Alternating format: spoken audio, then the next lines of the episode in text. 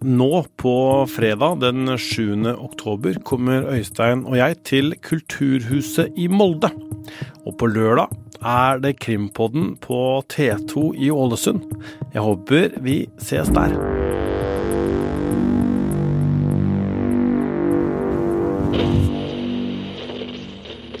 En eh, ny mann er siktet for medvirkning til drap i Lørenskog-saken, der Anne Elisabeth Hagen er savnet. Mannen ble siktet i all hemmelighet i sommer, skriver VG. Fredag ettermiddag, og folk er på vei hjem fra jobb eller fra skolen. De har eh, slått sammen PC-ene sine og gjør seg klare for helg. Så durer det i telefonen. Det er pushmelding fra VG. Ny mann sikta i Lørenskog-saken. Du tar opp telefonen og leser at det har vært ukjent at mannen er sikta for medvirkning til drap i nesten fem måneder. Hvordan er det mulig? Jeg heter Tor Erling Tømt Ruud, og dette er Krimpodden i VG.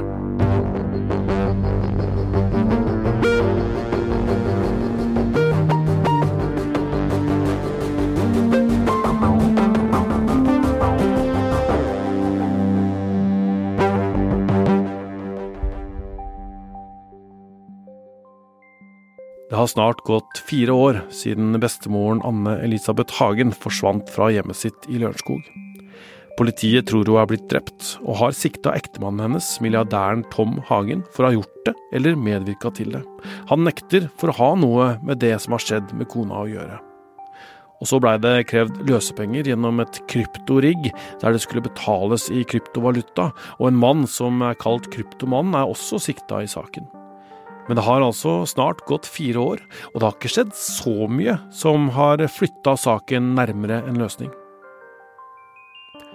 Så kommer denne nyheten, som slår ned som en slags bombe i redaksjoner, og for folk som lurer på om det skjer noe som helst i Lørenskog-saken. En ny mann sikta for medvirkning til drap, Øystein. Ja, Det er eh, oppsiktsvekkende. En, eh, en, stor nyhet i en sak som jo er helt spesiell. Og dette er jo en siktelse der en mann i 30-årene er anklaga for å ha medvirket til drapet på Anne-Elisabeth Hagen. Og ifølge den siktelsen som foreligger, så skal denne medvirkningen da ha skjedd, uh, Tor Erling, i perioden juni 2018 uh, frem til forsvinningsdatoen, som vi jo husker er 31.10.2018. Mm. Og du er med fra hytta i dag, du? Ja, det er jeg. Jeg eh, har litt høstferie og eh, er på hytta. Og forkjøla er jeg blitt også, så det er for så vidt veldig greit at ikke jeg eh, er inne i den lille bua sammen med deg i dag, for da kanskje du holder deg frisk. Ja, vi får holde oss friske. Men denne mannen som er sikta nå, hva veit vi om han som da er i 30-åra? Det er det vi velger å si og skrive. Jo, han er jo en uh, mann som vi må kunne si er godt kjent fra, for politiet fra tidligere saker. Uh, han har vært involvert i uh, overgrep, ID-tyverier, bedragerier, dokumentforfalskning, ifølge våre opplysninger. Så um, jeg vil jo si at dette er en, det, det som ofte betegnes som en kjenning av politiet, altså en som er tidligere straffedømt og har et visst rulleblad. da. Veit vi om denne mannen har noe tilknytning til de andre i denne saken, eller? Det er veldig veldig mange ubesvarte spørsmål denne, eh, etter den nye utviklinga nå. og eh, så vidt jeg vet, så er det ikke kommet frem noe som tyder på at det er noen eh, link til noen av de to andre siktede. Så ja, det er jo ikke sagt noen ting fra politiet her heller om denne nye utviklinga, så spørsmålene er mange og svarene er få. Men jeg må spørre allikevel, da. Hvordan har politiet klart å finne denne mannen som nå er sikta? Som sagt så er det her veldig mye vi ikke vet. Men eh, det ser ut til at passet til Ole Henrik Golf eh, er en eh, viktig brikke. Passet til Ole Henrik Golf. Husker dere det? En gang mellom april 2013 og vinteren 2016 så blei en kopi av passet til Ole Henrik Golf fra Mandal stjålet. Kopien selges på markedsplasser på det mørke nettet. Sjøl var Ole Henrik Golf uvitende om hva som foregikk.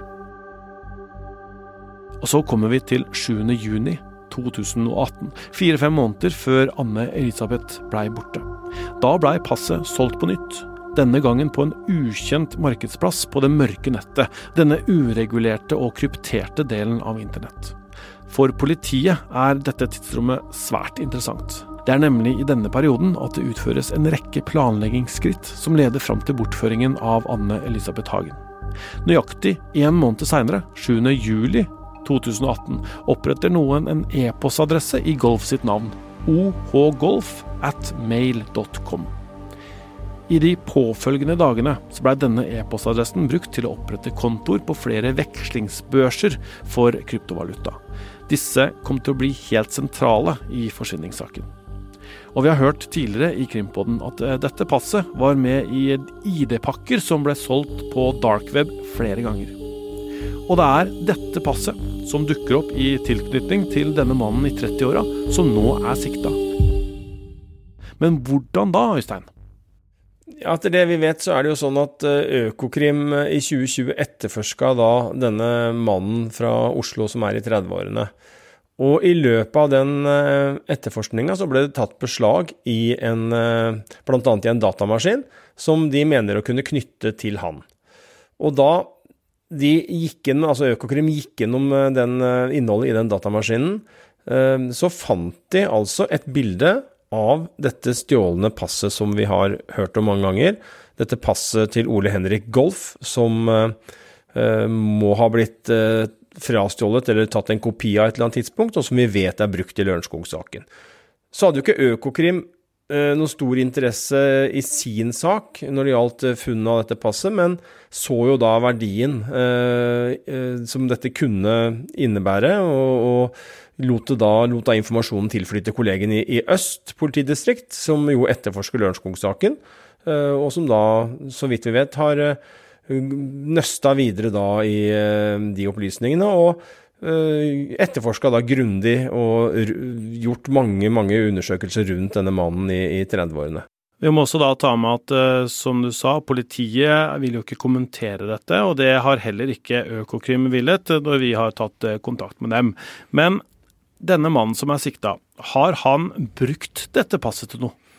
Nei, det vet vi, det vet vi ikke. En av veldig mange ting vi ikke vet. Uh, men det er likevel noe da som, som, er klart, og det er jo at dette passet til Ole Henrik Golf, som vi jo vet har vært sentralt hele veien, og som tidlig ble sentralt Man Uh, avdekka det helt innledningsvis i saken. Og vi husker jo, hvis vi spoler tida tilbake, at Ole Henrik Golf var jo uh, selv sikta i denne saken. Uh, fordi at politiet mente det var en mulighet for at han kunne ha en rolle. og han ble jo stoppa da han gikk av flyet i desember 2018, tatt med til avhør, forklarte seg grundig og ble etter hvert sjekka ut av saken, og er i dag 110 Uh, uaktuell som noe annet enn et offer og en fornærma som har blitt frastjålet passet sitt i denne saken. Det, det, som vi jo vet, er at hans pass har vært på flere sender. Det er jo sånn at det selges stjålne identiteter. Det er det et marked for på det mørke nettet. Og ofte kan det være at det ligger da ulike typer identiteter i sånne pakker. Altså du kjøper deg nærmest en, en, en pakke med kanskje ja, om det er seks eller åtte eller ti eller tolv identiteter, og som da kan brukes til f.eks. kriminelle aktiviteter, det vet man.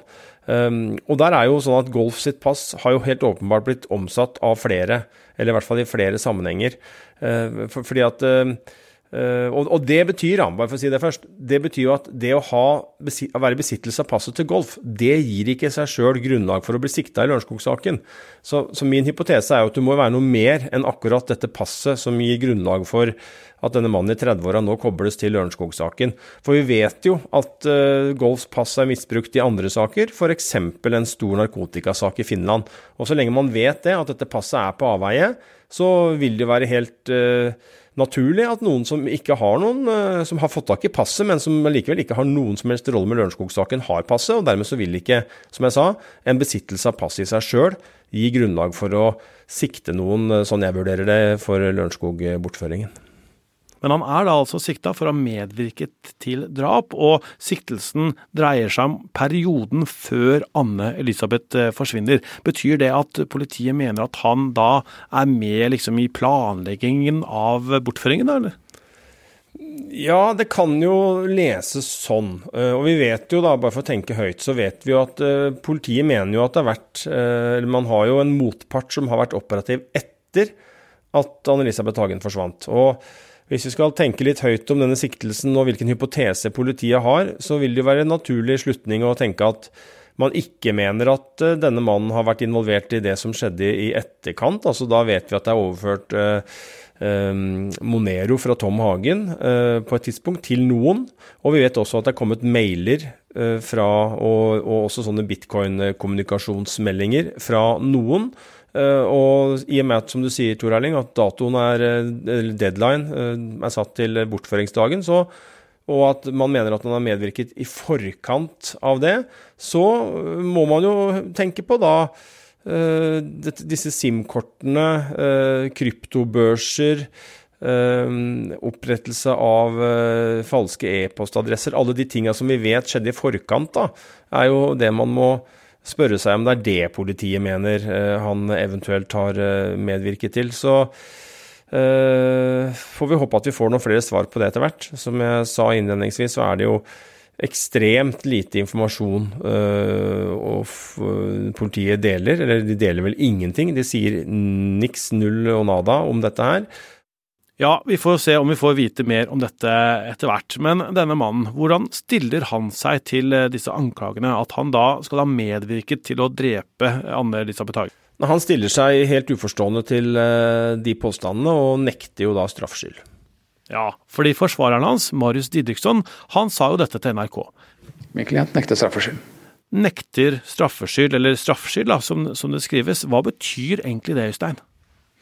Ja, Rent formelt og generelt så betyr jo det at en som er sikta, ikke mener at uh, han eller hun kan straffes.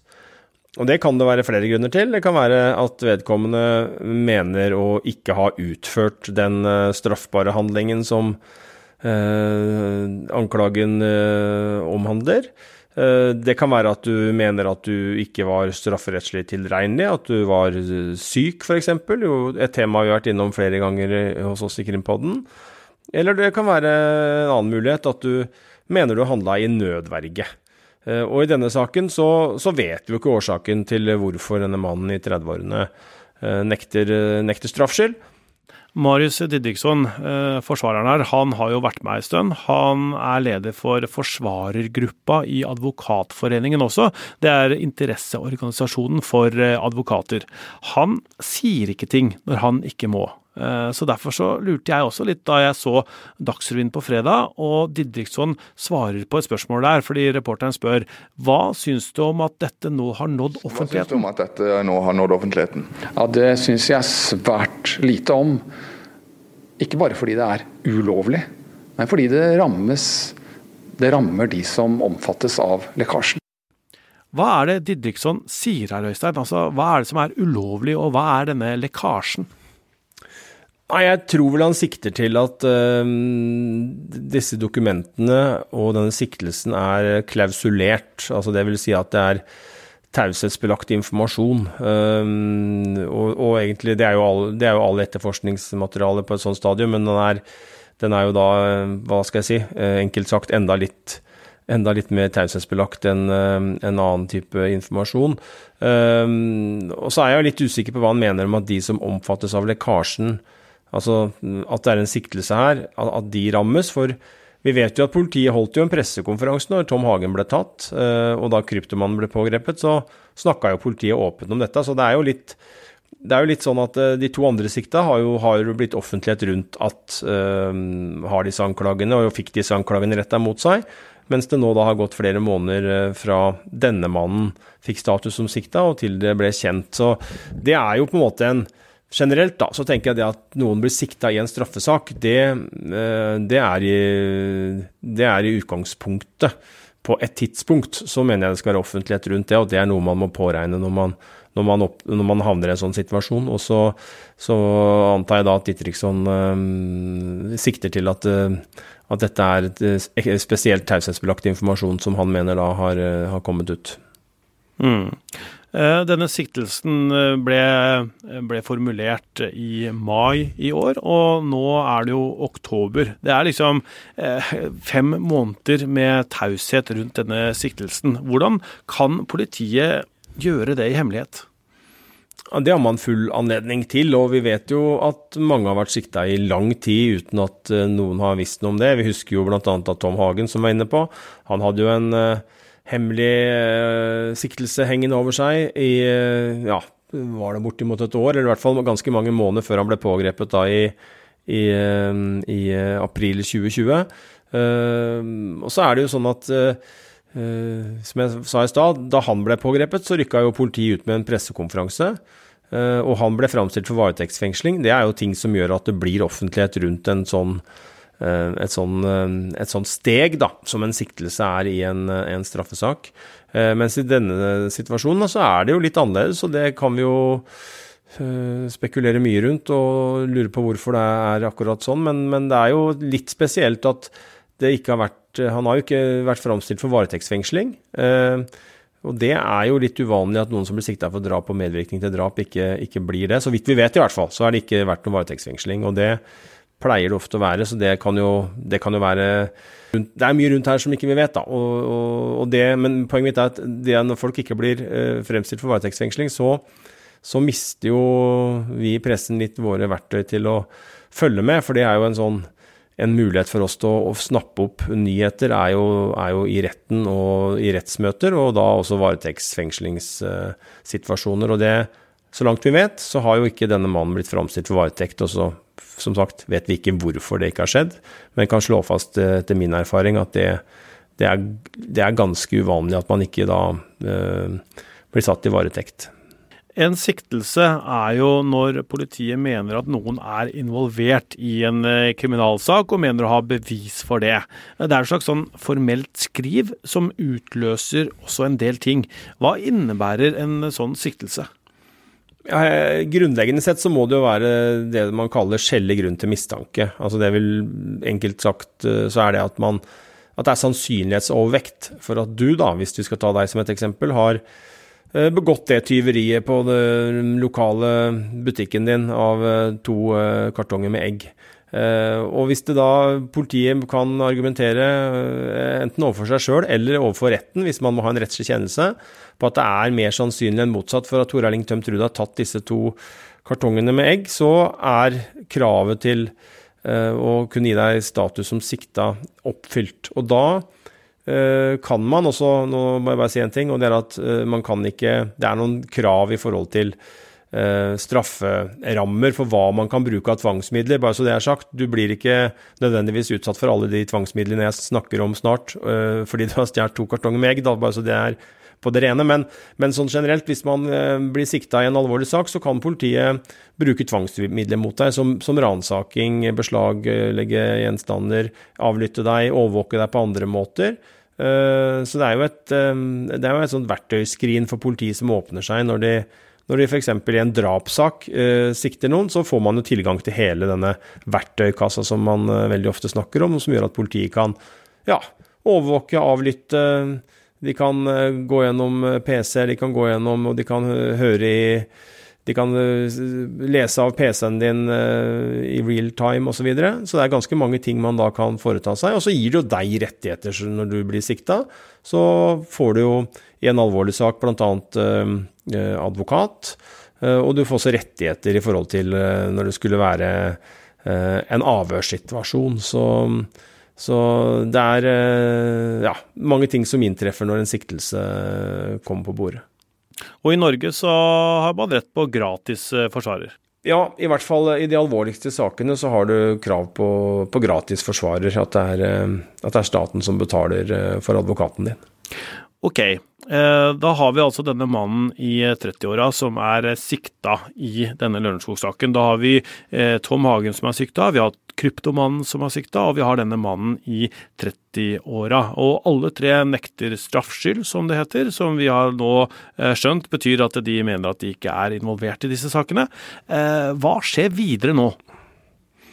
Ja, det er jo det store spørsmålet. Um Nei, det jobbes jo for fullt med denne saken. Ehm, det er snart fire år siden Anne-Elisabeth Hagen forsvant. Eh, og nå er det da kommet en siktet nummer tre. Og så er det jo selvfølgelig mulig å tolke det på mange måter. Noen vil jo kunne tolke det som det er et uh, nytt framskritt. Andre vil kanskje spørre seg om dette er en mann som har blitt sikta fordi at man måtte undersøke ham og ja, se om han har en rolle. og og kanskje viser det seg på et tidspunkt at han ikke har det. Han nekter i hvert fall for det sjøl. Så, så, vi vet jo veldig lite hva dette egentlig betyr. Men, men, eh, det vi vet, er at politiet jobber videre på bred front. Vi vet at Tom Hagen fortsatt er status som sikta. Vi vet at Kryptomannen også har status som sikta.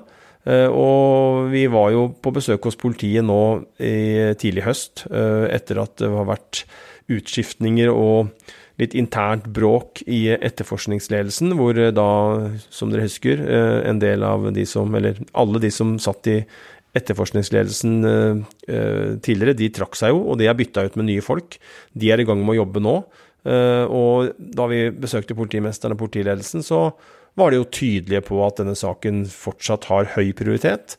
Og de mente også at denne saken skal man ha gode muligheter til å oppklare. Så det er vel det vi vet. Og så er det jo sånn at vi, vi ser jo det samme som alle andre, Tor Erling, at tida går. Og eh, som sagt, fire år. Eh, det er lenge. Og det er jo et spørsmål også selvfølgelig hvor lenge politiet kan holde på, men foreløpig virker det som det er fullt trøkk, og at man nå jobber på og forsøker å, å komme til eh, en løsning. Eh, da får du ha god bedring på hytta, og så skal jeg eh, jobbe videre her, jeg. Det høres bra ut. Takk skal du ha. Krimkommentator i VG, Øystein Milli, har vært med i denne episoden. Og i Lørenskog-saken er det mange krimjournalister i VG på jobb. Morten Hopperstad, Gordon Andersen, Ådne Husby Sandnes, Ola Haram og Bjørnar Tommelstad. Produsent for Krimpodden er Vilde Worren, og jeg heter Tor Erling Tømterud. Mandag kommer det en ny episode for deg som hører Krimpodden på Podme eller har VG abonnement. Da skal vi til en ukjent sak. Med en gang blei det ikke etterforska som drap da Nina blei funnet død i leiligheten sin, men det var noe som skurra. Hvorfor skulle det ta så lang tid før politiet endelig slo drapsalarm? Det må du få med deg i Krimpodden på mandag.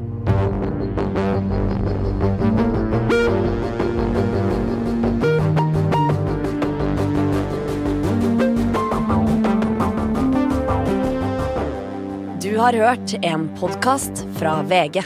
Ansvarlig redaktør, Gard Steiro.